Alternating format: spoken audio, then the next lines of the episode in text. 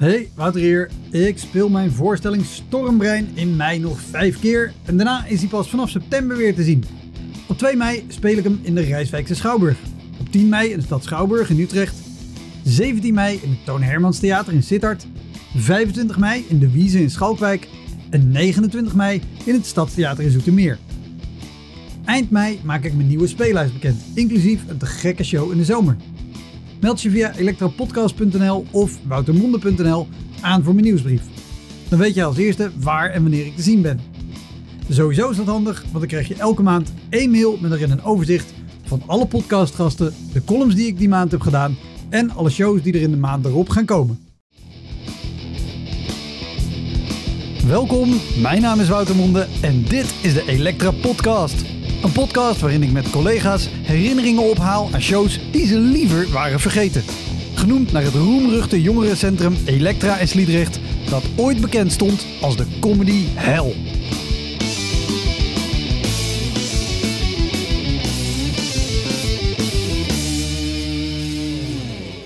Mijn gast deze keer is Harm Edens, beroepsouwehoer. En dat heb ik niet verzonnen, dat staat gewoon zo op zijn website. Nee, zie je, daarom werd het nog erger. De dag daarna stond er een recensie van Cordald Maas in de Volkskrant.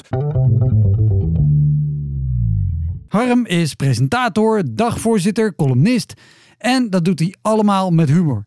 En dat hij humor heeft blijkt ook wel uit het feit dat hij al sinds de start presentator is van het langstlopende satirische programma op de Nederlandse tv. Dit was het nieuws. We namen deze podcast op in de studio van BNR, het radiostation waar Harm veel voor werkt. Dus bedankt BNR voor de ruimte en de mogelijkheid. Heel veel plezier. Dit is de Elektra Podcast met Harm Edens.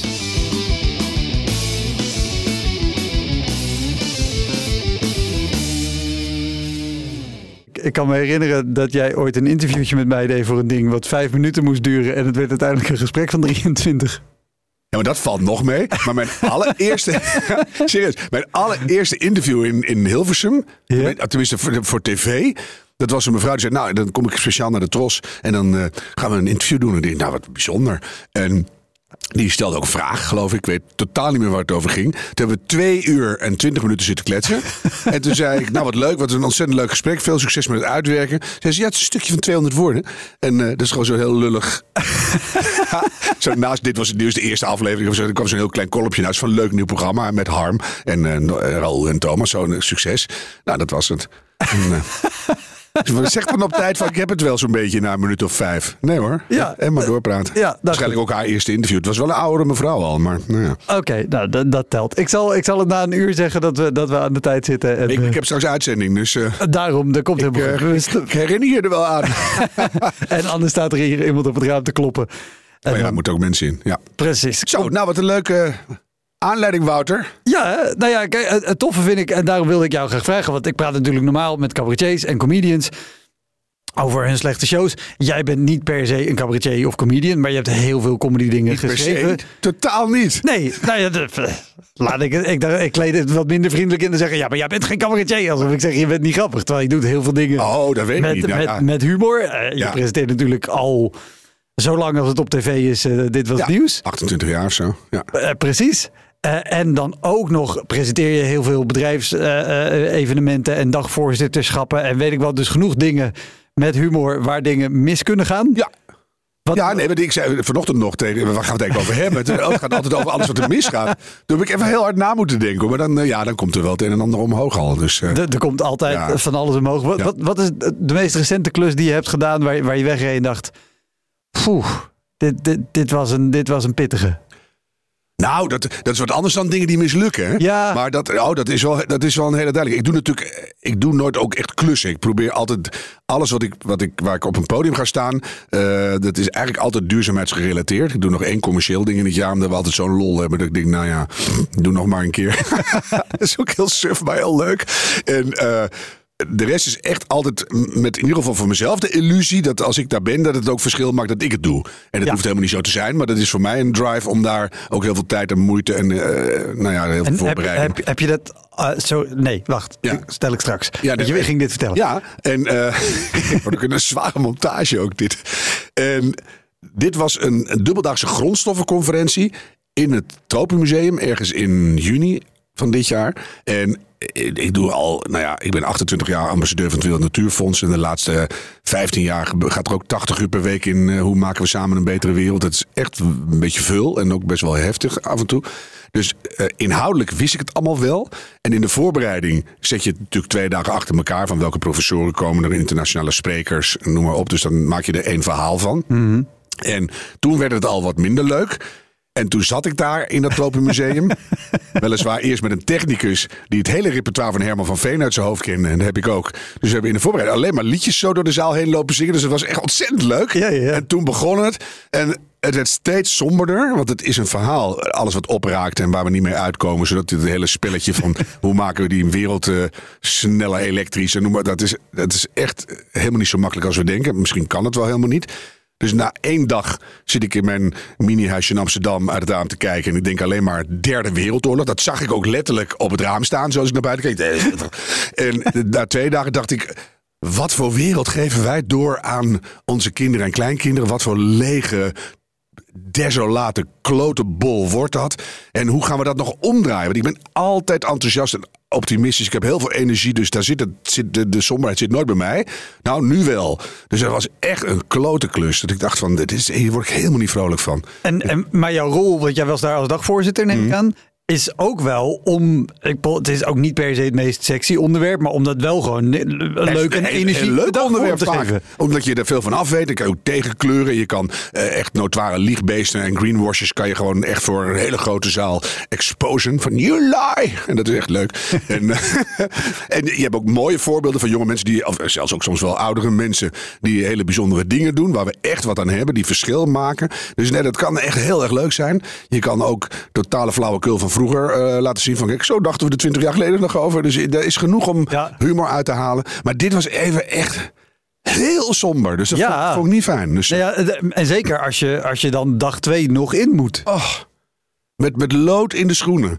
Dames en heren, oh, dat is nog in het Engels. Ladies and gentlemen, good morning, welcome for day two of this miserable, shitty kutconferentie. Dus eh, dat is echt... Ja, en iedereen voelt het in de zaal ook, hè? Ja. Iedereen, ja, er was nog één journalist, die, die was ooit nog mijn redacteur hier bij uh, eh, BNR geweest. Waar we nu zitten op te nemen. En, uh, voor BNR Duurzaam. En die zat ook in de zaal. En die was ook twee hele dagen aanwezig. En die heeft ook nog nawerk gedaan en eromheen geresearched. Ge, en die heeft in juli, dus twee maanden later, kwam er een groot stuk uit in Trouw. Dat heeft hij morgen gedaan. Dus uh, maar die keek ook niet zo vrolijk meer. Dus het was heel... nee, soms is het ook gewoon niet vrolijk, hè?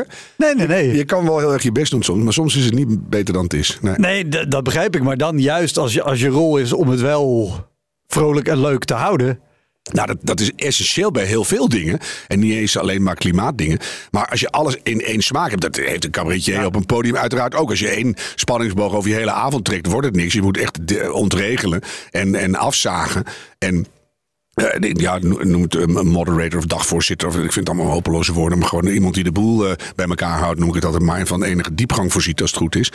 Daar moet je echt de, de professoren stoppen. En bovengebitten afpakken. En dingen tegenkleuren. en, en, want anders wordt het één toon. Ja. Of veel te blij. Hè? we hebben zo van die, van die dagen die gaan alleen maar over windenergie. Dan komen ze al met opgeheven hoofd uit hun Tesla. Komen ze de zaal in. En dan begint het feestje de hele dag. Geweldig, die windenergie. Dat ik dan denk, ja, uh, binnenkort is het ijzer op. En die zee die raakt ontregeld. En uh, iedereen is tegen. En, uh, weet je, dus er is veel meer over te zeggen. Dus dat moet iemand wel op dat podium schuiven. Ja. Well, might as well be me. Dus dan, ja, dus, nou ja, dat is allemaal ja. een rol die je aanmeet of toe-eigent. Of nou ja, dat. waar ik net even al haast een afslag wilde nemen. Omdat je zegt, ik, ik doe nu alleen nog maar dingen waar ik denk dat ik het verschil kan maken. Of, of die je leuk vindt. Of die dingen raken die jij interessant vindt.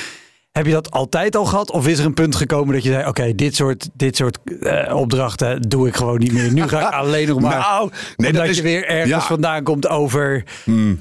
uh, logistiek mm. in Oost-Europa. weet ik wat. Nou, nee, het, het, zit met name aan de onbenullige kant. Dat had een hele duidelijke reden. Want uh, dit was nieuws, ontstond ergens uh, in 1995, in de aanloop naar 96, toen we echt begonnen. En toen gingen we op zoek naar uh, hoe gaan we dat programma eigenlijk maken. Ik werd erbij gevraagd samen met Ger, waar ik toen veel, Ger Apeldoorn, waar ik veel comedy mee schreef. En eh, iedereen ging verschillende rollen doen. Ik ben nog teamcaptain geweest, een redactielid. En iedereen husselde, want niemand wist hoe het moest.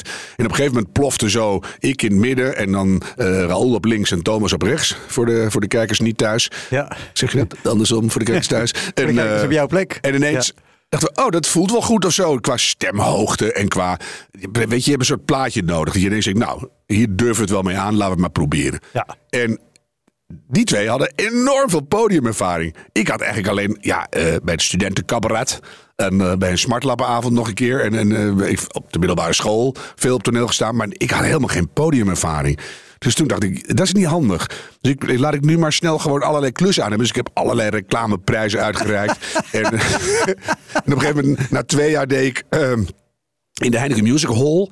weet ik nog de, een, een, een prijs. En toen was daar een catwalk van nou, 30 meter, of nou, nou langer, van 50 meter, zo die zaal in. Ja. En dan zat dat publiek helemaal om je heen.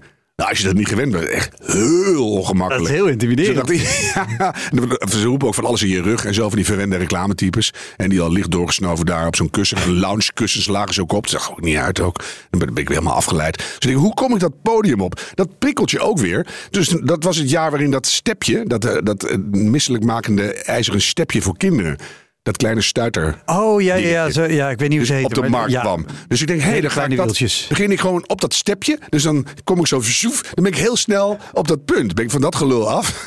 als ik niet val, want dan, nou ja, maar dan heb je in ieder geval, als je valt, is ook leuk. Dus uh, dat, en dan begin ik even alle orthodontisten van Nederland, namens alle orthodontisten, bedankt voor dit stepje. Want het, de, alle tandbreuken en zo waren enorm gestegen. en dan kan ik daar even mee beginnen. En dan trek ik mijn shirt open en dan laat ik zien dat de Nederlandse leeuw daaronder zit. Dat was ook zo'n kutreclame. Dan heb ik die twee gewoon uh, ting, ting, ting aan de orde gesteld. En dan kunnen we misschien van start. En ja. dan they like me or they hate me. En dat was zo ongemakkelijk als je dat niet gewend bent. dus, en na een tijdje dacht ik, dit hoef ik allemaal niet meer te doen. Laat ik nou maar gewoon doen wat ik belangrijk vind. Want ze vragen je overal voor. Weet je? Mm. Wil je in een zwembroek op een Toyota liggen? Nou, niet per se. Dus uh, je, op een gegeven moment moet je wel weten waar, waar je eigen lijn zit. En, uh, en, ja. en, en even, want ik ben gefascineerd een zaal vol reclamemakers en reclame awards. Ik heb ook wel eens klussen gedaan voor reclamemensen. Dat is niet per se een, een leuk publiek. Die, die, vinden het heel, die vinden elkaar vooral heel leuk en interessant. Maar wat er ergens anders gebeurt. Die zijn ook allemaal te rijk en, en heel erg met zichzelf bezig. en, ja, maar ik vind muzici nog erger. En misschien is voetbal wel op één hoor. Want die zijn natuurlijk door de bank genomen niet het meest hoog ontwikkeld. En die zijn misschien niet per se heel dom, maar die, die zijn voornamelijk aan het voetballen. Die zijn dus fysiek ontzettend goed. Ja, ja maar bedoel, je, ook, je hebt ook Kees ja. Molenaars die advocaat worden en zo. Dat kan wel, maar het gros daarvan is niet bezig met wat er verder buiten het voetbalveld aan de hand is. Dus als je daar een opmerking maakt over, ja, you name it, in iets in de politiek of iets in, in de huizenbouw of zo. Dat gaat allemaal over die hoofden.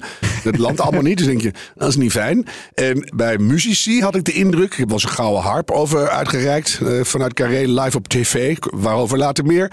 Maar dan had je steeds het gevoel dat ze zeiden, ben ik, ben ik al genoemd? Ging het over mij? Nee, ging het weer niet over mij? Niet. Oh. Dus, en dan, die hebben helemaal geen connectie met wat jij staat te doen.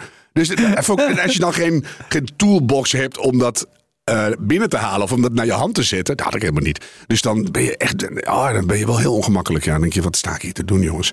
Mogen het toneel onder mij opengaan en mij opslokken? Ja, dus, uh, nee, maar, maar, zeker. In het begin van je carrière, als je zegt, ik heb dan nog geen toolbox om dat te doen. Hoe, hoe begin je dan aan zo'n klus? Barst jij barst op dat moment je toen gewoon van het zelfvertrouwen dat je dacht, dat ga ik doen? Of was dat gewoon oh, een overtuiging, nee. ik moet dit doen om me staande te houden tussen nou, deze twee gasten op tv? Oh, dat laatste, dat was uh, voor, die, voor die hopeloze klussen waar ik ja tegen zei. Van, ik moet gewoon podiumervaring opdoen, dan maar met hopeloze dingen. En voor andere dingen ben ik ook helemaal niet gevraagd. Dus ik had ook helemaal geen keus. Maar, uh, nee, maar die tv-dingen dacht ik wel, hartstikke leuk. Een grote live-uitzending vanuit Carré. Dus dat, ja. Uh, ja, dan moet je dan wel uh, ja op zeggen. Maar dan moet je heel goed voorbereiden. En dat helpt dan helemaal niet. Dus dan... Uh, oh, nee, dat weet ik nog heel goed. Het was, nou, ik denk 97 of zo. En het was een hittegolf. Ja. En, dus het was al een drama. En op een gegeven moment zit ik nog even te eten in de, in de artiestenfoyer van Carré.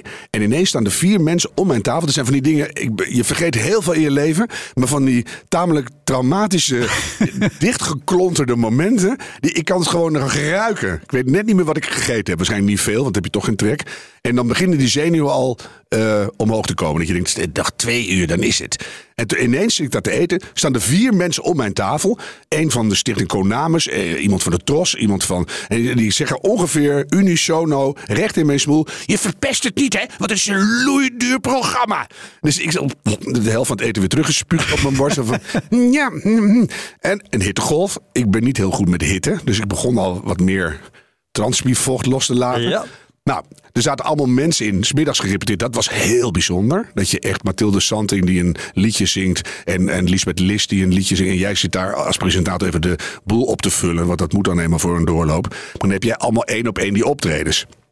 Hartstikke mooi. Dan heb je echt kippenvel en geweldig. S'avonds is het heel anders. Dan gaan ineens al die kleedkamers van start. Het haar van, eh, van Lisbeth Lis kwam per helikopter aan. Weet je, dat is een enorm gedoe. al die eh, hete luchtfeuns die gingen aan. Ik kreeg ook een soort angstaanval van. Van jongens, het is al heel warm. Hou op met al dat gefeun.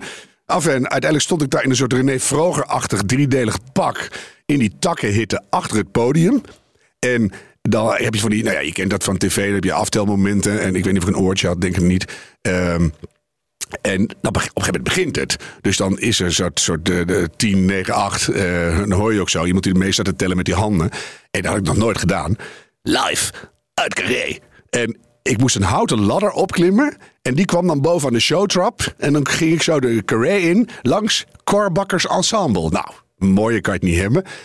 En ik sta daar op die trap, om, op, eh, bij 5, 543, omhoog te klauteren. En op dat moment slaat mijn coach, Gemma van Seventer... Die naam zul ik ook niet meer vergeten. Was notabene een docent uit Groningen aan de universiteit. Die was daar ineens coach geworden. Had ik de hele dag niet gezien. Ook niks aan gehad. Of, En, en wat was haar rol als, als Eh, coach voor jou daar? nou, die was om op dat moment toi, toi, toi te zeggen. In mijn knieën te slaan. Waardoor ik ongeveer achterover van die trap flikkerde. dus eh, ik heb, heb me nog net aan twee vingers weten vast te houden. Toen hoorde ik 1, 5. Dus ik met een soort totale paniek trek ik mij omhoog. Die ladder op. Kom precies op tijd bovenaan. En Cor zet in en ik loop soepel carré in. Ik denk, nou, dat is gelukt. Eh, Netjes, ja. Maar ik sta daar. Ik weet dat, dames en heren. Goedenavond. Hartelijk welkom bij de 47e uitreiking van de Gouden Harpen. Hier live vanuit Carré. Wat ontzettend bla bla bla bla bla, bla. En ik had de leuke zin, vond ik een leuke zin. Nou, eh, de eerste harp kan eruit als een soort kroket. Vond ik leuk. En, ik, en die gaat naar een vrouw die bla bla bla bla bla bla bla. Niemand minder dan. Nee. Geen idee. Daar zit zij, op rij 1. Naast haar kaalgeschoren vriendin in een streepjespyjama. eh die er niet uitzag. en, en ik kijk daar zo. Ik denk, ja, eh, schiet mij maar lekker. En je had geen kaartjes, geen autocue. ja, autocue, maar die stond er niet op. Of, don't- ik, gewoon geen idee. En ik weet niet hoe, maar ineens uit mijn diepste, binnenste, eh, op, op paniek en wilskracht gedreven wanhoop, komt daar omhoog Mathilde Santing. Nou, het gaat zo door. En dan ben je totaal slachtoffer van je eigen overconcentratie en, en stress en weet ik veel. Dus, nou, die, die rest van die avond is als een soort ja, eh, geest aan mij voorbij getrokken. Weet ik niet zoveel meer van. Ging allemaal heel goed. En uiteindelijk, ik, dat was in Carré, daar woonde ik vlakbij. Na afloop heb ik nog ongeveer een dag gezwaaid tegen iedereen naar huis gerend. De videorecorder teruggespoeld. Ik denk, dit moet ik kijken hoe erg het was. Ik moest het gewoon zien. En ik spoel dat terug. En het waren 2,5 super professionele seconden stilte. Het, hij had je het niet beter kunnen doen. Zo van, dames en heren, en het gaat naar. En in mijzelf was het 1800 jaar eenzaamheid. Ja. Was het totale paniek. En dus de, hoe idioot kan je afraken van wat je staat te doen? En de regiewagen dacht waarschijnlijk, wat een spanningsopbouw, wat een vakman. Supergoed. Ik was echt overleden en, en in ontbinding daarna. was echt niet fijn. Dus nou, dat, dat, die dingen vergeet je nooit meer. Nee, Zo oh, maar dat je zo'n naam... Oh, ik, ik, ik heb Daarna wist ik hem altijd. Ik kon mij s'nachts wakker maken. Maar dat is something, roep ik dan spontaan. Maar Oh, maar ook in een live... Ik, ik, ik heb het met shows wel gehad dat ik iemand moet aankondigen... en dat ik ook er naartoe aan het praten ben. En dan denk ik, wie komt er? Of dat ik een achternaam niet weet. Maar Nee. goed, dan kan je nog een voornaam... En, zij van het leuke liedje. en, daar- Applaus. En dan Maar zit er een show met misschien 100 of 200 mensen. Oh. En niet een hele zaal. Maar heel carré, jongen. En voor het eerst. Het is heel groot en heel hoog. Heb je er ooit gestaan? Nou, dan weet je hoe hoog het is. Oh, ik heb, Dus, eh, ik heb eh, twee keer de publieksopwarming in Carré gedaan voor de televisiering. Oh ja. Dat is ook een leuke klus. ja, daar ga ik al jaren niet meer naartoe. Dat Nee, eh, gelijk heb je. Maar, vind ik niet meer leuk. nee, maar ook de mensen die er wel heen was- gaan vinden het niet leuk. Nee, maar dat- Dus als je die moet opwarmen, Nou, vroeger, als je dan dacht leuk. van, zit ik nog wel lekker in mijn werk, dan ging je een, een, avondje televisiering, had je gewoon voor 2,5 jaar weer eh, mogelijke opdracht in het mandje. Dus Ja, dan kon je, dat was heel productief. eh, en je kon nog eens een dronken presentatrice uit een plantenbak vissen of zo. Dat is wel een leuke. ja, maar nee, dat was echt een hele traumatische. Hm. Ja. En, en heb, je, heb je dan, eh, eh, weet je, de, de eerste opdracht daarna die je doet, heb je, heb je daar dan lang last van? Dat je, dat je dan daarheen gaat en denkt, oh mijn god, moet naam onthouden. Nee, ik bereid me, dat vind ik sowieso. Hè. We maken die podcast, dit was de radio. Ik heb heel vaak commentaar op mensen dat ik dingen te makkelijk vind of niet genoeg voorbereid. Of de, moet, hè, bij, bij drama schrijven heet dat production value. Ja. Je moet kunnen zien in het eindproduct dat er ergens geld in gestopt is of moeite aan besteed is. Dat wil ik eigenlijk ook horen bij presentatoren die iets nieuws gaan doen. Dat er een mooie zin in zit of een hippe gedachte of een, een montage hoogstandje of iets. Dus dat doe ik eigenlijk bij elke klus altijd overal goed voorbereiden. Want het is gewoon mijn eer te na dat ik dingen niet weet of eh, mijn mond vol tanden sta. Maar ja, blackouts eh, komen door hele andere dingen. Dus dat heb ik toen echt geleerd. Hou op met dat gestres. Dus ik heb heel vaak nu ook wel bij, als je een, in een generale zit of in een doorloop voor een nieuw programma. En ik heb laatst ook een keer de hele boel stilgelegd in de studio. Ze van jongens, we hebben pauze. Hoezo? Ik zeg, we hebben pauze. En dan hoor je uit de regie, we hebben helemaal geen tijd voor pauze. Bip, bip, bip, bip, bip. Ik zeg, nou, het was net nog gezellig, nu niet meer. Dan blijkt dat er een grote baas langskomt die zich ermee wil bemoeien of zo. En dan wordt iedereen gestrest. Nou, daar heb ik echt helemaal geen last meer van. Zeg, nou, die ken ik al langer dan die zelf eh, weet dat hij kan lopen. Dus het is helemaal niet erg, weet je. We gaan even koffie pakken en dan gaan we daarna weer gezellig aan het werk. Wij maken een programma en hij betaalt het misschien of zij, maar dat doet er niet toe, weet je. Maar dat kon, je, dat kon je toen niet. Dus dat heb ik toen echt geleerd. Niet stressen over dingen waar je toch geen grip op hebt. Dus, en dan staan je hersenen veel beter open. Dus dan weet je namen gewoon, als het goed is. Ja, maar het is makkelijker gezegd dan gedaan. Ja. Nou nee, je moet het op een gegeven moment ook besluiten zelf. En eh, stress. En, en ik heb ooit een keer een dagelijkse comedy gemaakt voor Talpa in 2005. Toen heb ik zo hard gewerkt, tien maanden lang, dat ik echt letterlijk bijna dood was. Nou, dat heb ik wel eens in een interview helemaal verteld. Hoeft je niet. Dat is, dat was, als je het over blunders hebt, nou, dat was echt een goeie. Dat je gewoon jezelf bijna kapot werkt. Dus toen heb ik ook gezegd, stress moet je echt nooit meer doen. En eh, sindsdien stress ik gewoon niet meer. Lekker. Wouter? Dat, dat wil ik ook. Dat lijkt... Nee, maar je kan wel heel te druk zijn en hysterisch doen. En, maar niet stressen. Als je echt denkt, ik voel een klomp in mijn maag, want er klopt iets niet. Of ik, dan laat ik alles uit mijn poten flikkeren. En dan bel ik iedereen op. Jongens, we hebben stress op de lijn. Dus eh, los het mee op. We hoeven niet allemaal zelf te doen. En nou, dat doen mensen met plezier. Dus eh, dan helpen ze zich. Want er blijkt altijd een, een soort eh, kink in je agenda te zitten. Of een dubbele afspraak. Of iets wat niet past. Of waar waar je echt niet happy bij voelt. En dan als je het bespreekt, Ja, zo, de stress weg. Klaar. Weet ja, je? ja, ja. Eh, wel nog over stress, daar, daar was ik wel benieuwd naar. Want je zei, ik nam allerlei klussen aan om maar podiumervaring op te doen. Want ik zat tussen Raoul en Thomas. Hoe, hoe waren die opnames toen? Want bij dit was het nieuws. De montage op tv is natuurlijk niet hoe lang er in de studio wordt opgenomen. Jawel hoor, bij de eerste wel. oh, die was, had ik, ik had nog een beetje voorbereid vandaag, het laatste kwartier. Die stond echt niet op mijn lijstje, maar dat was er ook één, ja. We hebben nog wel een paar nulnummers gemaakt. Dat je denkt, een beetje oefenen met die spelletjes en met dingen. En, en Ja, dus die, die, hoe het die werkt en doe de je wel, camera's. ook nooit op tv. Ja, dat hebben we nog nooit gedaan. Ik was er nooit voor een camera geweest, wel daarachter, maar niet. eh. Nou, en toen gingen we de eerste doen bij de Kroon op het Rembrandtplein. Hele studio natuurlijk, hetzelfde decor wat we nu nog hebben. Dat Ja. gaat echt al 28 jaar mee. En ehm, lekker duurzaam. En ik weet niet waarom eigenlijk. Maar nou ja, dan gingen ze. Het is eigenlijk gewoon een nieuwsquiz. Dus je vraagt gewoon eh, wat zie je hier of eh, wie zei dit. Of de, weet je, het is allemaal geen hogere wiskunde. Nou, dan stelde ik weer een vraag aan. Ik weet niet meer wie de gasten waren bij de eerste. En dan gingen ze daar antwoord op geven. En, en, en dan hadden ze nog een half grapje gemaakt. Ik denk, nou, dat is het wel. Dus dan ging ik zeggen wat het was. En eh, nou, dan, hadden we de vier rondes. En toen hadden we eh 33 minuten opgenomen. Toen was het toch allemaal klaar. En toen moesten we daar een programma van 40 minuten uit zien te krijgen.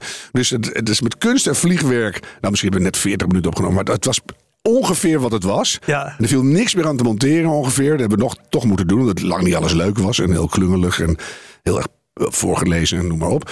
Maar dat had niemand gezegd, je moet het laten lopen. En dan gooi je er zelf nog eens wat in. En dan pak je het nog eens van de onderkant op. Of eh, gewoon, eh, ik denk, nou, het is, het is klaar. En eh, Nou, Precies, het goede antwoord. Nou, dan, kun- dan Oh. kunnen we door. pijnlijk. Maar niemand, ook tijdens de opnames, die eindredactie ook niet van... Nee, joh, eh, pak hem nog even terug. Het moet veel, we hebben veel meer materiaal nodig. Ik denk, nou, keurig geantwoord mensen. En de volgende. Ja, maar eh, vooral waarom ik erheen wilde, Ja. eh, eh, ook op de podiumervaring.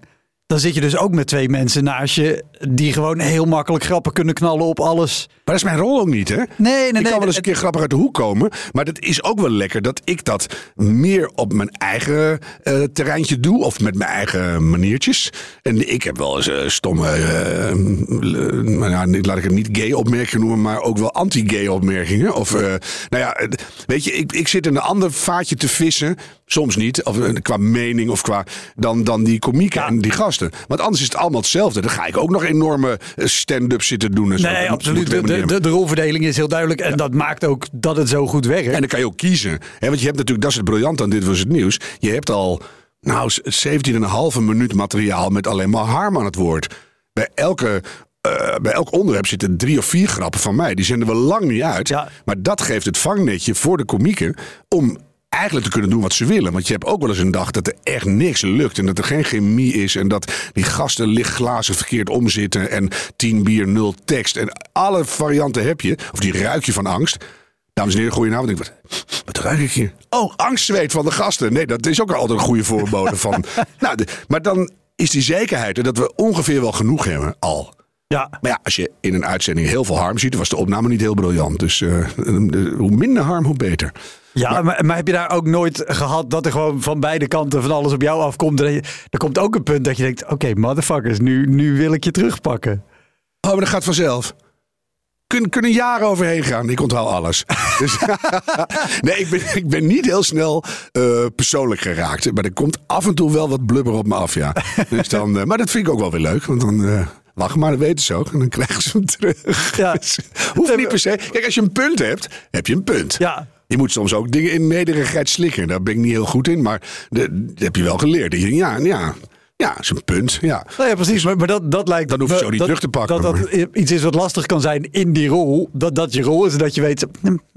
Ja, maar over en weer kan dat ook.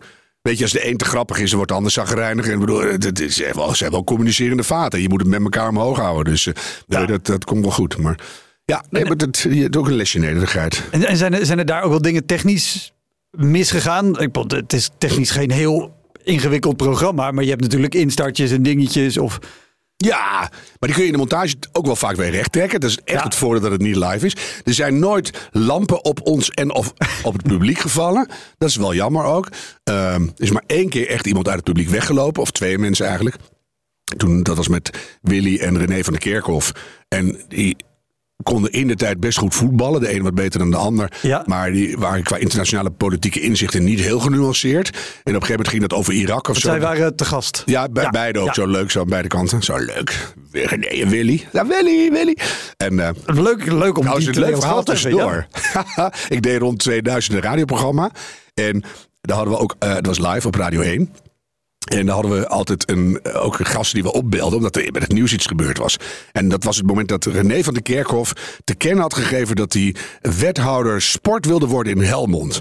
Dat vonden wij genoeg aanleiding voor een radiogesprek. en, en toen belden we op vijf over half negen, acht uur tot negen uur s'avonds live, Radio 1 op vrijdag, belden wij op. Hadden we afgesproken. Dan gaan we dat eens even bespreken, die politieke carrière van jou. Wij duwen dat nummer in live in de uitzending. Er wordt opgenomen met mevrouw van de Kerkhof. Nou, ik zeg- ja, met Harm van de Radio 1. We zoeken. René, is die in de buurt? Nou, eh, ze waren dan met een zaalvoetbaltoernooi in eh, Oostenrijk bezig. En het was nog geen rust. Dus ze hadden het gesprek precies in de rust gepland. Lekker handig. En het was, het was uitgelopen. Het was geen rust. Zeg, ja, maar wat, wat moeten we er dan mee? Zeg, wat, we, we- we- het is gewoon nu live in de uitzending. radio, ja. En toen zei ik, ik had hem willen vragen over dit en dit en dit. Ik heb de hele vragenlijstje zo tegen haar aangehangen zonder op het antwoord te wachten. Toen ik er ongeveer doorheen was, hoorde ik een snerpend fluitsignaal. Zij rende met de telefoon het veld in. René, René, Radio 1 aan de lijn. En toen kreeg hij het toestel met René van der Karenkhof. Ik zei, René, Harm, Radio 1, over je politieke carrière. Maar helaas, de tijd is op. Dag! Ploep. Daar hadden we zo geen zin meer in, dat geklungel. Dus dan, dan heb, je, heb je zelf een keer de macht. Dat is ook leuk. Dan kan je gewoon zeggen zo. Ik heb hem daarna nooit meer gesproken, maar Dit was het nieuws was net daarvoor, geloof ik. En toen riep Willy... Ja, de hele Irak, dan moeten ze gewoon helemaal kapot bombarderen of zo. Dan moeten ze... en toen was er een man op de tribune, die vond dat, vond dat echt walgelijk. Dus die stond op. Nou, wat is een verschrikkelijke mening. En die liep boos weg. Dus dan kreeg je toch weer eh gênante stiltes en gelach. Dus een beetje alle twee. En toen moesten wij dat even weer verwerken. En dan gingen wij daar wat over zeggen. En toen waren we net weer op dreef. En toen stond er nog iemand op. Die liep ook weg. Die was veel jonger. En toen zei ik, waar, waar ga jij naartoe? Ja, het is mijn vader. Die heeft de autosleutels. Dus, dus die moest mee. Maar dat is eigenlijk in 28 jaar de enige keer dat mensen echt eh, boos weglopen. Het is natuurlijk ook wel het publiek die weet wat ze ongeveer Je weet, waar, je weet waar je voor komt. Ja. Maar dit lijkt me ook een lastige als je daar zit. Eh, gewoon als, als programmamaker. En je moet het weer recht trekken. Want je weet met dingen die er daar in het publiek kunnen gebeuren. Daar kan je op tv helemaal niks mee. Nee, en je weet ook niet. Nou ja, dat hebben we geloof ik uitgezonden hoor. Dat, Ja? ja, tuurlijk, is gewoon grappig. Meestal is het publiek alleen in het beginshot. Ja, precies. En voor de- nou ja, daarom Voor de reactie, we doen er niks mee. Maar heel soms. Ja, als iemand gaat bevallen op rij 3. Ik zeg dat ook altijd in de, in de warming-up. We stoppen eigenlijk nooit. Maar, eh, ja, dan- als je daar hoogzwanger komt zitten. En je, dan, ja, ben je, ben je aan de beurt, denk ik. Ja, Hoi, Wouter hier. Wist je dat er al meer dan 160 afleveringen van Elektra online staan? Dus het kan heel goed dat je net die aflevering hebt gemist met een comedian of cabaretier die jij echt helemaal te gek vindt. Op elektrapodcast.nl kan je makkelijk zoeken op de naam van de gast. En daar kan je ook heel makkelijk doneren of crewmember worden om mij te steunen bij het maken van deze podcast. Als je in je podcast of streaming app even klikt op abonneren of volgen, dat is gratis, krijg je elke week een melding als er een nieuwe aflevering klaar staat. Oké, snel weer terug. En eh, want je zei net al, die, die, die nul opnames die jullie, of nul afleveringen en die pilots, dan heb je niet per se al publiek wat het programma kent. Of dat denkt, oh leuk, het is met die of het is met zus. Dan heb, hebben jullie die ook gedaan dat je van dat ingehuurde publiek hebt? In het begin, dat weet ik eigenlijk. Dat zal wel. Dat bij het eerste seizoen dat niemand weet wat het dan is. Ja. Dat je dan via zo'n kaartjesbureau. Ja, want dan, Maar dan vroeger je... bij comedies wel eens. En dan had je echt, eh, echt eh, schoolreisjes van het hospice.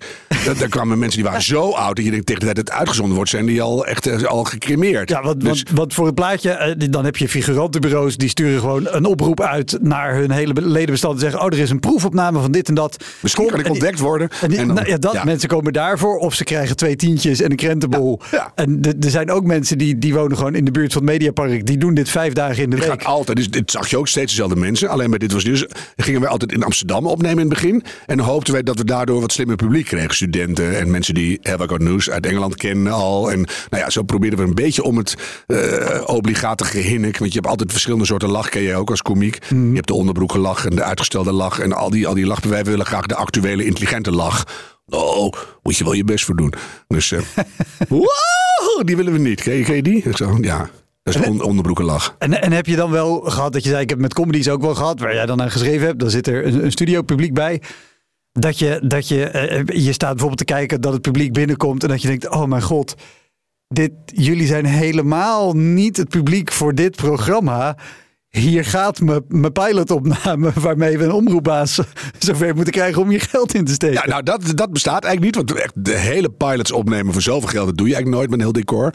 Maar eh, wel, een, een eerste opname is vrij bepalend voor eh, hoe de sfeer van dat seizoen wordt. En zeker voor een eerste seizoen. En eh, of acteurs er een beetje lekker in zitten. De eerste opname is vaak niet de eerste uitzending. Dus je moet aan zo'n publiek ook nog uitleggen. U ziet nu aflevering 4 waarschijnlijk. Die we dan wel helemaal uitleggen waar die serie over gaat. Zeker bij een nieuwe serie. Nou, dat is echt ingewikkeld. En dan ja, dan heb je van die mensen net zo intelligent als een schoenmaat. Dan, dan denk je, oh, help. En ja, dan moet je een hoop doen. Maar dat is ook weer leuk als je ze dan toch meekrijgt. Ja. En, en, en soms lukt dat. en soms heb je hele andere problemen. Zoals? Nou, dat je dan... ja, als je hem zo Kijk, als opgooit, dan ben ik ook benieuwd. Als schrijver ben je, eh tenminste dat deed Ger en ik altijd, wij willen ook gewoon mede de baas zijn. Dat is het Amerikaanse systeem. En dan de baas eh, tussen aanhalingstekens, want dat doet er verder niet zoveel toe. Behalve dat je mee bepaalt samen met de regisseur van hoe wordt de toon, het tempo, dus de, de montageritmes. eh, dat, dat bepaal je mede op basis van het script en op basis van hoe je monteert. Dus dat, hoe, hoe hechter die twee-eenheid, in ons geval drie-eenheid is, hoe beter dat werkt. Dus wij zitten ook altijd bij de montage van de eerste twee, drie afleveringen. Omdat je dan mee bepaalt van hoe leg je een grap uit in beeld. Van tevoren bepaal je ook de cameravoering. Nou, dat deden we altijd met Hans de Korte. Een hele goede regisseur. En dit was een nieuwe serie. Ik ben ik vergeten of hij en Julia was of, of gemeentebelangen. Maar in ieder geval eh, iets van eigen hand. En we zitten toen nog met die oude moederbanden in de montage. En eh, de eerste band gaat erin. En we starten de opname. Of de, de, de afspeel van opname 1. En geen geluid. Nee. Nul. En ik keek naar Hans. En dat is echt 2,5 ton of zo. Of 3 ton down the drain. Hè? Dus, en, en die- ik zie hem. En dat was een, hele charmante, vrolijke man. Die zie ik eerst zo. Het trok groen vanuit zijn enkels omhoog. Zijn gezicht echt groen. Heb je nog nooit gezien. Je hebt mensen wel eens rood zien worden. Of, of grauw. Of, of dat ze doodgaan. of- Maar dit weer groen. En toen beging hij raar hoesten en, en vreemd kijken. En toen zakte die groen weg. Toen werd het heel grijs. Het helemaal grijs. Toen ging hij zitten en er kwam niks meer uit. En ik werd alleen maar heel rustig. En ik, ja, geen geluid. Nou, de, er is of een nieuw genre geboren. Of we zijn allemaal ontslagen. Of, en dat was echt... Misschien pianomuziek eronder van die zwart-witborden en, bedenk zelf uw leukste grap. Weet je, ik bedoel, echt, maar dat is echt een ramp. Ja. Toen dacht ik, ja, dit is zo'n grote ramp. Laten we nou maar even rustig ademhalen. Want eh, ja, dan moet het of na-synchroniseren. Kijk, opnieuw doen, dat kan dan eigenlijk gewoon niet. Dat is te duur. Ja. Dus dat, dat is geen optie. Maar dan na-synchroniseren of... Ik nou, wat zou het, zou het zijn? Ze hebben eerst maar eens koffie gehaald en eh, Hans gereanimeerd. En met elkaar allemaal aankijken. Ook de techniek echt aankijken van de, de editor. Van, wat, wat- heb jij nog een idee? Op een gegeven moment, want zo kom ik op het publiek. Ja. Dachten we van, ik weet niet, ik heb denk ik niet zelf bedacht. Maar dat, dat ontstaat dan. Dat hangt dan ineens in de lucht. Van, we hebben ook een track waar de publieksreactie op zit. Die hebben we die wel. En wij eens kijken zo, het gelach hadden we wel. En vrij prominent door dat gelach hoorden we gewoon die acteurs. Oké. Dachten we, wat, het is wel negen- eh, de 2000 of zo, hè? dus eh, heel lang geleden. Veel minder digitaal mogelijk dan nu. Wat kunnen we met dat geluid? Toen hebben we dat helemaal schoongetrokken, opgepoetst, eh, geklopt en ge- eh, gereanimeerd. En toen bleek uiteindelijk dat we 98% van het geluid terug konden halen. Dus Oh. hier en daar even nog een, een vogeltje of een, eh, iets wat je dan even een beetje verdoezelen. Dan hebben we het echt weten te fixen. Dus ik zei, zie je Hans, is helemaal niet nodig die stressreacties.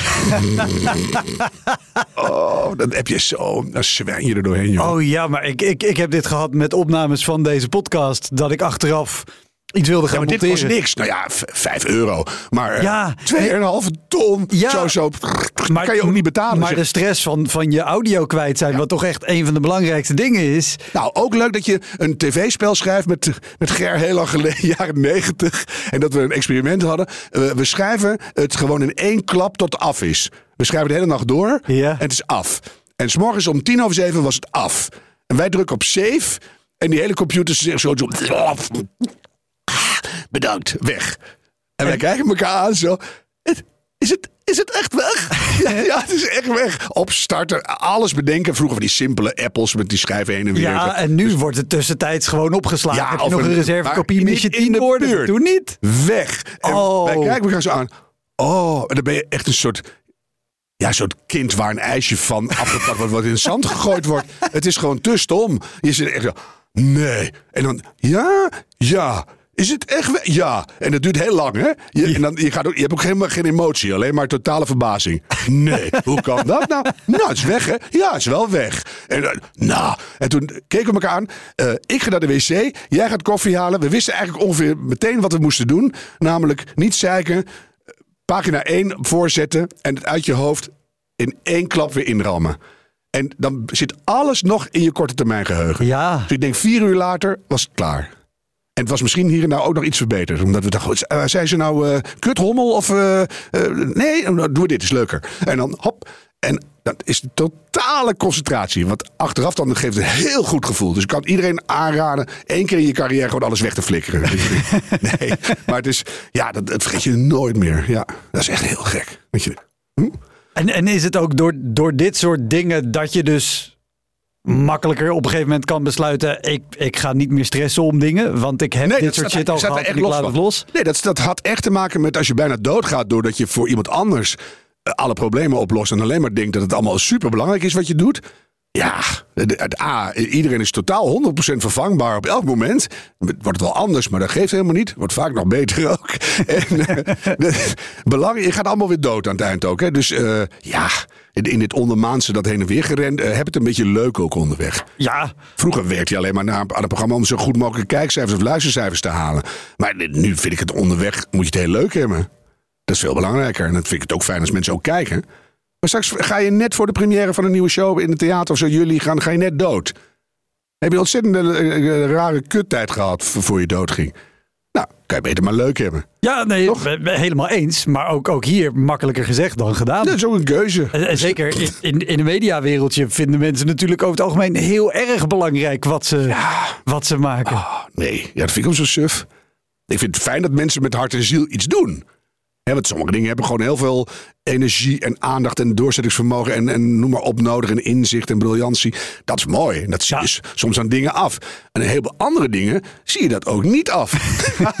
ik zat gisteren te zeppen, kwam ik langs TLC en dan het programma eh eh Hutsenflus en Ramon of zo. En die, die een vrouwennaam, een beetje de orde. geen idee. Ch- Chan- Chan- Chantanaya en Ramon of zo. Ja. En het is dan een vrouw met een enorme boshout voor de deur. Die symmetrisch ook achteraan haar eh bibs hangt, zeg maar. Ja. Dat het een beetje een S-bocht, dat ze niet omvalt. Dus eh, heel erg eh, geprononceerd aan beide kanten. presentatietalent. Ja, en die man die staat er dan een beetje dom achter. En die zitten dan op een camping in Frankrijk. En die doen dan dingen met nog een zus of zo. Geen idee. Dat is allemaal vergaand ordinair. Als ik dat zo- in klasse justitietermen mag uitdrukken. Maar ook zo dom en ijdel dat je er weer... Ik kon niet meer doorzien. Ik moest het echt uitkijken. Dat ze in een Franse supermarkt zegt... Do you have a tas? Omdat ze een tasje wilde. Dan denk ik van, ja, dat vind ik toch wel goed. Dat je dat... Weet je, we kunnen nog een hoop leren van andere mensen. Waarom vertel ik dit? Geen idee. Ik weet het ook niet. Ik, eh, het ging over eh, dat, dat mensen in de mediawereld zichzelf Oh ja, en doe hun eigen dingen heel belangrijk vinden. Ja, nee. Eigenlijk is dat niet zo. Nee. Doe maar. Eh, je had ook wat notities volgens Ja, mij. Of dingen. ja. Ik, ben, ik ben heel benieuwd namelijk de dingen waar jij aan dacht toen je ontdekte... over gaat het over, over slechte of rare Oh, situaties. ik zat natuurlijk chronologisch te kijken. Wat, wat, wat, ja, eh, er moeten ook wel echt debakels zijn, toch? Anders is het ook gewoon niet leuk. Ja, alsjeblieft. Nou, ik geef met Ger al jarenlang comedy. Ger Apeldoorn. En eh, het is natuurlijk best wel een pittig bestaan. Want je bent net zo leuk als je Ja. laatste script en, en, ongeveer. en met comedy eh, bedoel je in dit geval eh, tv-series, Sitcoms. sitcoms. Ja, dus we hebben, wat hebben we gemaakt? Laat maar zitten in de jaren, eind jaren 80, begin jaren 90. Oh, in de Vlaamse pot. En, Wat cool dat jij laat maar zitten. Ik heb een tijdje terug heb ik de, ehm, een, een intro of een hele aflevering stond ergens op YouTube. Het, het tempo is fantastisch als je dat nu ziet. Dat duurt anderhalve minuut. het is een gevangenis, die hebben alle tijd. Ja, maar dan gaat een van de hoofdrolspelers moet met een pont het water over. En die, die hele scène is ongeveer integraal dat hij de Dat pont is, op gaat. dat is het begin van de serie. Ja, ja, ja. Dat is, de Kraaikamp die speelt de gevangene. En het, het was een bewerking van een hele beroemde Engelse serie, Porridge. En toen dacht ik al, moeten we daar met de handjes wel aan zitten? Want het is gewoon wereldberoemd met Johnny Barker. En met eh, Johnny, nee, hoe heet die man? Barker. Ronnie Barker. En ik denk, nou oké, maar dan moeten we het wel een beetje verkopen. Alsof er op een waddeneiland een gevangenis is. Want anders, in Nederland Dat ben je nooit zo ja. geïsoleerd. Hij moet dan met een veerboot. En als je goed kijkt, zie je dat de politieagent die de agent overdraagt, en dat ben ik zelf. Wat ook een mini-debakel was. Want zet mij een pet op, maakt niet uit, al is het een derde rangs postbode en ik verander in een neonazi. Dus dat is, ik kan, je moet mij geen uniform aantrekken. Dus ik was helemaal uit mijn, ik keek in de spiegel en ik, dacht, het is heel eng. Heel, ik schaamde me echt kapot. Ik hoefde alleen maar te zeggen: Zo, nu is die van jullie. Dat was mijn zin. Nou, die heb ik dan ook glansrijk volbracht. Maar dat, was, maar dat kon alle tijd nemen, ja. Ja. Daarna viel het wel mee hoor, met het tempo. Ik, ik heb hele leuke herinneringen aan het kijken van de serie. En, en één keer per jaar zeg ik tegen iemand, mijn schoonzuster uit Almere Haven. Kijk. In de hoop dat ze, dat ze weten waar ik het over heb. Ja, dat was Peer Tol, die zei dat altijd. En toen kreeg ik op een gegeven moment in het derde jaar van de serie... eh briefkaart van de makelaardij te Almere Haven. Wilt u dan weer ophouden, de huizenprijzen zakken? Echt waar? Kijk, dan heb je gewoon macht hè, als schrijver. maar hoe kom ik hierop? Oh nee, dus wij schreven comedy. Ja. En dat, dat is altijd net zo leuk als je laatste script. En dat is best wel een pittig bestaan. Want je krijgt geen vaste aanstelling. En je, je, je, ja, je doet maar wat. En je doet één keer per jaar of per half jaar zo'n soort rondje langs alle omroepen. Met heb je nog een serietje nodig? Of, dat is niet een heel chic uitgangspunt. Dus ik dacht, als ik nou op tv eh, iets presenteer. Dan kan ik daar makkelijk geld mee verdienen. Dat kan niet zo heel moeilijk zijn, toch? En dan geef ik de helft aan Ger. En dan kunnen we gewoon rustig schrijven. Want daar verdien je heel veel mee, dacht ik. Ja. Toen kwamen de screentest van Lingo langs. En toen zei IDTV, wil je niet even bij Lingo screenen? Want toen deed uh, Robert en Brink dat. En die was er klaar mee. Die wilde wat anders doen. Die wilde door naar de echte programma's. Uh, kom ik in de buurt door de echte programma's. Die praat heel raar altijd als je naar luistert. Um, en toen heb ik die screentest gedaan. En toen werd ik eerste. Maar de VARA wilde mij niet hebben, want ik had geen arbeidershoofd. Toen werd François Boulanger het. Met die bretellen, onlangs Ja, ja, overleden. En na een jaar nog een keer gescreend. En toen werd ik het weer. Maar die willen we niet. Dat hadden we toch al gezegd. Dus, en, en ik dacht, je krijgt bij Lingo gewoon een hele grote bak geld. Bleek ook helemaal niet zo te zijn. Dus en als je dat ook nog weer verdeelt, heb je nog weer twee keer niks. Dus het allemaal geneuzel. Toen belde John de Mol Producties, zo lang geleden is het al, nog voor en de Mol. Ja. Van, we gaan op goed geluk, gaan we zoeken we een nieuwe presentator voor. Op goed geluk! En De datingshow die ooit gepresenteerd werd door Carrie Tefs. ja, maar nog dat, ja, nee, toen Carrie die stopte ermee, geloof ik. En toen zochten ze iemand anders, liefst een man. En toen dacht ik, maar dat wil ik helemaal niet doen. Dus, eh, maar toen zeiden ze, ja, maar dat is goed voor je eh, cameraervaring, die ik helemaal niet had. Dus ik dacht, oké, dat vind ik een heel steekhoudend argument. Laat ik dat maar doen. Maar toen dacht ik, terwijl ik ongeveer in de coulissen stond om die screentest te gaan doen. Stel dat ik win, dan kan je tegen de mol niet zeggen. Ja, ik doe het alleen voor de cameraervaring. Ik wil het helemaal niet doen. Want dat pikt die man niet. Nee. En die kende ik nog helemaal niet echt goed toen. Dus ik zeg, ja, hoe ga ik dit nou doen? En toen was ik zo in mijn hoofd eh, vastgedraaid. Dat ik op een gegeven moment, ja, Harm, go. En ik loop dus zo'n mini showtrap af. Maar het was daar zo aardig donker. En ik ben echt nachtblind. Dat ik daar volkomen op mijn plaat die trap afging. Zo. en ongeveer voor camera 1 weer omhoog klom. Nog net niet met een bloedneus. En ze op goed geluk riep. En dan moest iedereen zo om lachen dat ik uiteindelijk toch nog tweede werd, gelukkig. maar niet eerst. Met Bert Kuizinga, geloof ik, die heeft het toen een paar jaar gedaan. Ik Dus snap opeens waarom iemand bij eh, eh, de reclamegala's dacht... we moeten wel even een coach regelen die hem die trap op helpt. Want anders gaat het helemaal mis. in je, knie- heb je dat gevoel in je knieën? Dat je zo... oh! ja, ja, ja. Dat, dat had ik opgeschreven. Dus eh screentest Gouden Harp hadden we al gedaan. Comedy zonder geluid hadden we ook gedaan. Oh ja, en het, misschien wel het allerergste was ooit... eh, het is dan weer in het kader van eh, Help de Wereld mee met eh, cultuur. Ehm, de uitreiking, ik weet het jaartal niet precies meer... van de Prins Bernhard Cultuurfondsprijs. Dat was toch wel mijn all-time laagtepunt. Oké, en le- leg even uit sowieso wat het Prins Bernhard Cultuurfonds is. Voor is mensen die denken, wie is Prins Bernhard ook alweer? Daar kom ik zo op. Waarom vertel ik dit? Oh, dit, was, dit had echt, in de, echt onder een steen moeten blijven. Oh. Nou ja, het is een fonds en die geven geld aan culturele dingen, weet ik veel. Gewoon een fonds. Ja. Heel belangrijk, prestigieus fonds. Ja. Met allemaal prestigieuze mensen. Subsidie voor makers en, en, Ja, en, hele degelijke dingen. En die hadden mij gevraagd, wil je die prijs uitreiken in de Nieuwe Kerk in Amsterdam? Ik zei, Tuurlijk, goed voorbereid. En de voorzitter van het fonds toen ter tijd was Eelco Brinkman. Toen net niet meer, het was net na de Brinkman Shuffle geloof ik, was weet ik veel. Ja, maar, prominent CDA-politicus. ja, maar toen, toen toch wel een beetje al over de heel, geen premier geworden. Maar enfin, hij was er. En hij begint een verhaaltje met... Het was het 65e jaar van prinses, prins, prinses Bernhard. Prins Bernhard, heel genderneutraal. Prins Bernhard Prins Cultuurfonds. Bernhard heeft veel met vrouwen gedaan, maar niet dat hij zelf heen geworden is. Weet je niet. en die begon zo, 65 jaar dit, 65 jaar dat, 65 jaar zus, 65 jaar zo. En, en die was klaar en ik sta op om het over te nemen. En ik zeg, nou meneer Brinkman, voor 65 jaar ziet u er geweldig uit. Zo'n zo'n weggooiertje. En de Ja. dames en heren, goedemiddag, welkom in de Nieuwe Kerk. En ik zeg dat weggooiertje en er slaat een golf van ontzetting door de Westerkerk. Door de Nieuwe kerk. Wester- Westerkerk. Net zei je Nieuwe Kerk, maar Het was ook Nieuwe Kerk. een golf was door de zaal. Nieuwe Kerk. was Laten we het op de zaal houden. Nieuwe Kerk. Eh, een ontzettingsgolf. En ik zou van Westerkerk. Westerkerk. Nieuwe Kerk. Nieuwe Kerk. en eh, en, en, en zo'n zo'n schokgolf, terwijl je dan al in je tweede zin zit. Hè? Dat je zegt, dames en heren, goedemiddag, we gaan hier de prijzen. En dat, dat komt niet meer goed. Je denkt, wat zou, de, wat, wat zou de reden zijn van deze ontzetting? En, en dat gaat dan gewoon non-stop zo door. En dus dat, dat wist ik niet, waarom het meteen op zijn kant viel. Nou, kom ik later, leg ik je dat uit. En toen eh, begon, begonnen er dingen, alles wat ik zei, er zat zo'n echo op, dat als ik dan een, een opzet deed voor een leuke opmerking, zo, het is natuurlijk altijd belangrijk om te realiseren bij cultuur dat je, en de pof. En die viel dan zo een kwartier later dood achter het altaar neer. Met Oh, zoveel galm en Ik, zoveel... ik had het even niet geregi- geregistreerd, maar inderdaad in een kerk iets Kansloos. met, met grappen of is met grappen. verschrikkelijk. Moet je helemaal niet willen. Maar dat wist ik niet. Dus ik denk, laten we, laten we er nog eens één proberen. Nee, allemaal mislukt. Toen kwam er een stukje eh, klassiek eh, blokfluit. Dus natuurlijk Prins Bernhard Cultuurfonds. Ja. Dat zijn een soort sigarendoosachtige dingetjes. Met pijpjes eruit en gedoe. En dat je denkt, nou, is niet voor niks dat het doorontwikkeld is in de loop der eeuwen. Dat is heel onhandig, moet je niet meer doen. Maar dat deden ze wel. En die stonden daar hartverscheurend stom in die kerk te piepen. Dat was al behoorlijk raar. En, op, en het was eh, eh, de week net nadat prins Klaus was overleden. Dus die was helaas ons ontvallen. Ja. Daardoor was prins Bernhard niet aanwezig bij deze uitreiking die er altijd was. Want die had uh, hofrouw, die mocht het paleis niet uit. Dus die was er niet. En op een gegeven moment sta ik in die coulissen. En is dat stukje gepiep.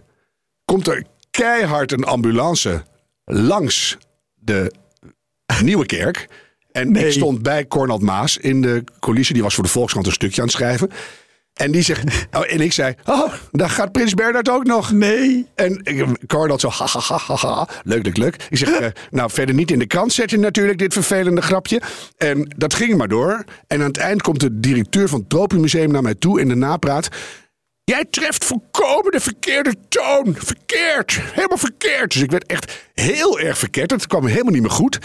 Bleek nou, eh, die dag had Ilko Brinkman te horen gekregen dat hij kanker had. Maar dat wist ik helemaal niet. Dus ik begon in mijn eerste zin. U ziet er geweldig uit voor 65. Gewoon een soort, soort niks aan de hand opmerkingje. De enige die dan moest lachen was Elko Brinkman. Die vond het helemaal niet erg. Maar maar de rest van de zaal had een soort totale misplaatste verontwaardiging. Ja. Van, oh, oh, die- en de- dus instant haat op mij. Toen bleek ook nog dat Prins Bernhard er niet was. Dus hun grote roerganger in wel of niet lachen was er ook niet. Daar kwam bij dat dit hele culturele publiek nooit naar dit was het nieuws keek. Dus geen idee hadden wie daar nou toch voor stond. Wat die daar toch over die cultuur allemaal te zeggen had. Dus het was een totale mismatch met een dramatisch begin. Kwam helemaal niet meer goed. Oh, Heb ik echt erg. nooit, hè? Heb ik echt nooit. Dus ik ging naar huis. Nou, en mijn ziel was uit mijn lichaam gerukt en er overdwars weer ingezet. Ik, ik kan er echt niet tegen. Dus helemaal was, dit was, denk ik, vrijdagavond Ja. vrijdagmiddagavond. Ik was echt helemaal ziek van. Zo, oh, ik kwam thuis en nou, laat maar echt, ik kon niet meer goed slapen en, en, en, en nog een borrel erin. En weet je, het zakt wel weer, maar echt heel erg niet oké. Bah, gadverdamme. Dag erna op zondag gaan we fietsen. Toen wonen we nog in Haarlem. Kwamen bij Bloemendaal, het was, werd gehockeyd, stond ook een NOS-wagen. Ik zeg, oh, dat moet een goede wedstrijd zijn, laten we even stoppen. Dus wij stoppen daar, gaan aan de kant staan, zo door die bosjes heen kijken naar het hockey. Komt er een Solexje aangeprutteld met een, een mannetje erop in een leren jas. En die stopt, die trekt zijn pothelm af. Michiel Romein, toen natuurlijk heel bekend van Jessica Vet. En daar had ik ooit in de pijp naast gewoond. Die komt naast mij staan en zegt, nou hoe is het? Heel klein hè, Jeroen zegt... eh, of, eh, weet Michiel. Michiel, is 1 meter 30. Zo. Ik zo- omhoog zo. "Eh, hoe is het? Ik zeg, hoe is het? Ja, weet nou echt, weet ja, het is verschrikkelijk. ik, vind het helemaal, ik kan helemaal niet tegen, man. Echt, wat is het voor, voor een hopeloze klote wereld waar ik in moet werken? Ze zeggen, oh, zo moet je dat helemaal niet zien. Nee, een paar jaar geleden was ik daar ook. Want toen eh, kreeg eh, Montezuma's Revenge kreeg een prijs uitgereikt. Die ging ook zingen. Of iemand, of Alex van Warmerdam kreeg de prijs. En eh, Montezuma's Revenge ging optreden. En ik zat naast Prins Bernhard. Ja. Die was er toen wel. En die zei midden door dat optreden, vrij hard door de hele kerk. Weet jij wat Montezuma's Revenge betekent? En ze, nou, dat, dat weet ik niet. Nou, dat je de race kak hebt in het oorwoud. Jezus. Dus toen ging die hele zaal lachen om de meest platte grapjes van Prins Bernhard. Want dat is oké. Want eh, hè, als Het is Prins Bernhard, dan is dat goed. Ja. Dus ik zeg, oh. Dus dankzij Michiel en, en werd gewoon mijn hele klote ervaring zei, Oh, weet je, dat is ook allemaal weer een bepaald soort mensen die dat dan allemaal weer beter denken te weten. En dan krijg je weer zo'n les. Als ze de kans krijgen, gaan ze je de oren weer wassen. Ik denk, nee, laat maar, laat maar gaan. Dus niet belangrijk. Dus nou, bedankt Michiel Romein na al die jaren. Dus eh, ja, Oh, wat een goed verhaal. vreselijk. Top. Ik, nu toch, ik voel het nog hoor. Ja, ik merk het. Ja, ja, ja. Het is echt niet goed. Oh, je kunt er niks meer aan doen. Soms is het gewoon kapot. En dan, eh, of tenminste. Nee, maar ik ben, ik ben al lang blij dat je... Want de grap over Prins Bernhard heb je niet gemaakt in de zaal, toch? Welke?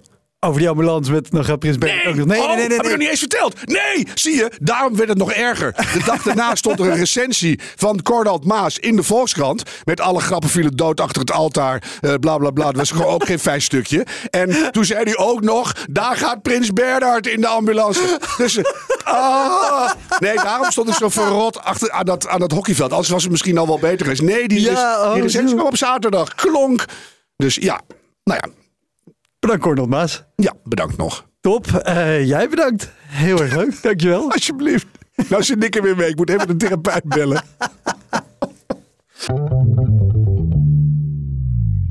Dat was hem, de Elektra Podcast. Meer informatie over mijn gast van vandaag en linkjes naar van alles en nog wat vind je in de omschrijving van deze aflevering. Er staan ongelooflijk veel afleveringen online van Elektra. En op elektrapodcast.nl kan je makkelijk zoeken op de naam van jouw favoriete comedians en cabaretiers. Je kan daar ook eenmalig doneren of crewmember worden. Als crewmember betaal je maandelijks een klein bedrag, maar dan krijg je ook nog eens bonusmateriaal. Je luistert voortaan zonder onderbrekingen en je krijgt consumptiebonnen die je kan inleveren bij een show van mij. Ik vind het sowieso te gek als je een keer komt kijken bij mij. Dus ga naar woutermonde.nl, daar zie je precies waar en wanneer ik optreed. Of meld je aan voor de nieuwsbrief, dan hou ik je op die manier op de hoogte. En dan nog iets, elke vrijdagmorgen doe ik een column op radiostation Kink. Je kan die column terugluisteren als podcast. Hij heet Kink op de Week en je vindt hem in de app waar je ook deze podcast luistert. Oké, tot de volgende Elektra. Hoi!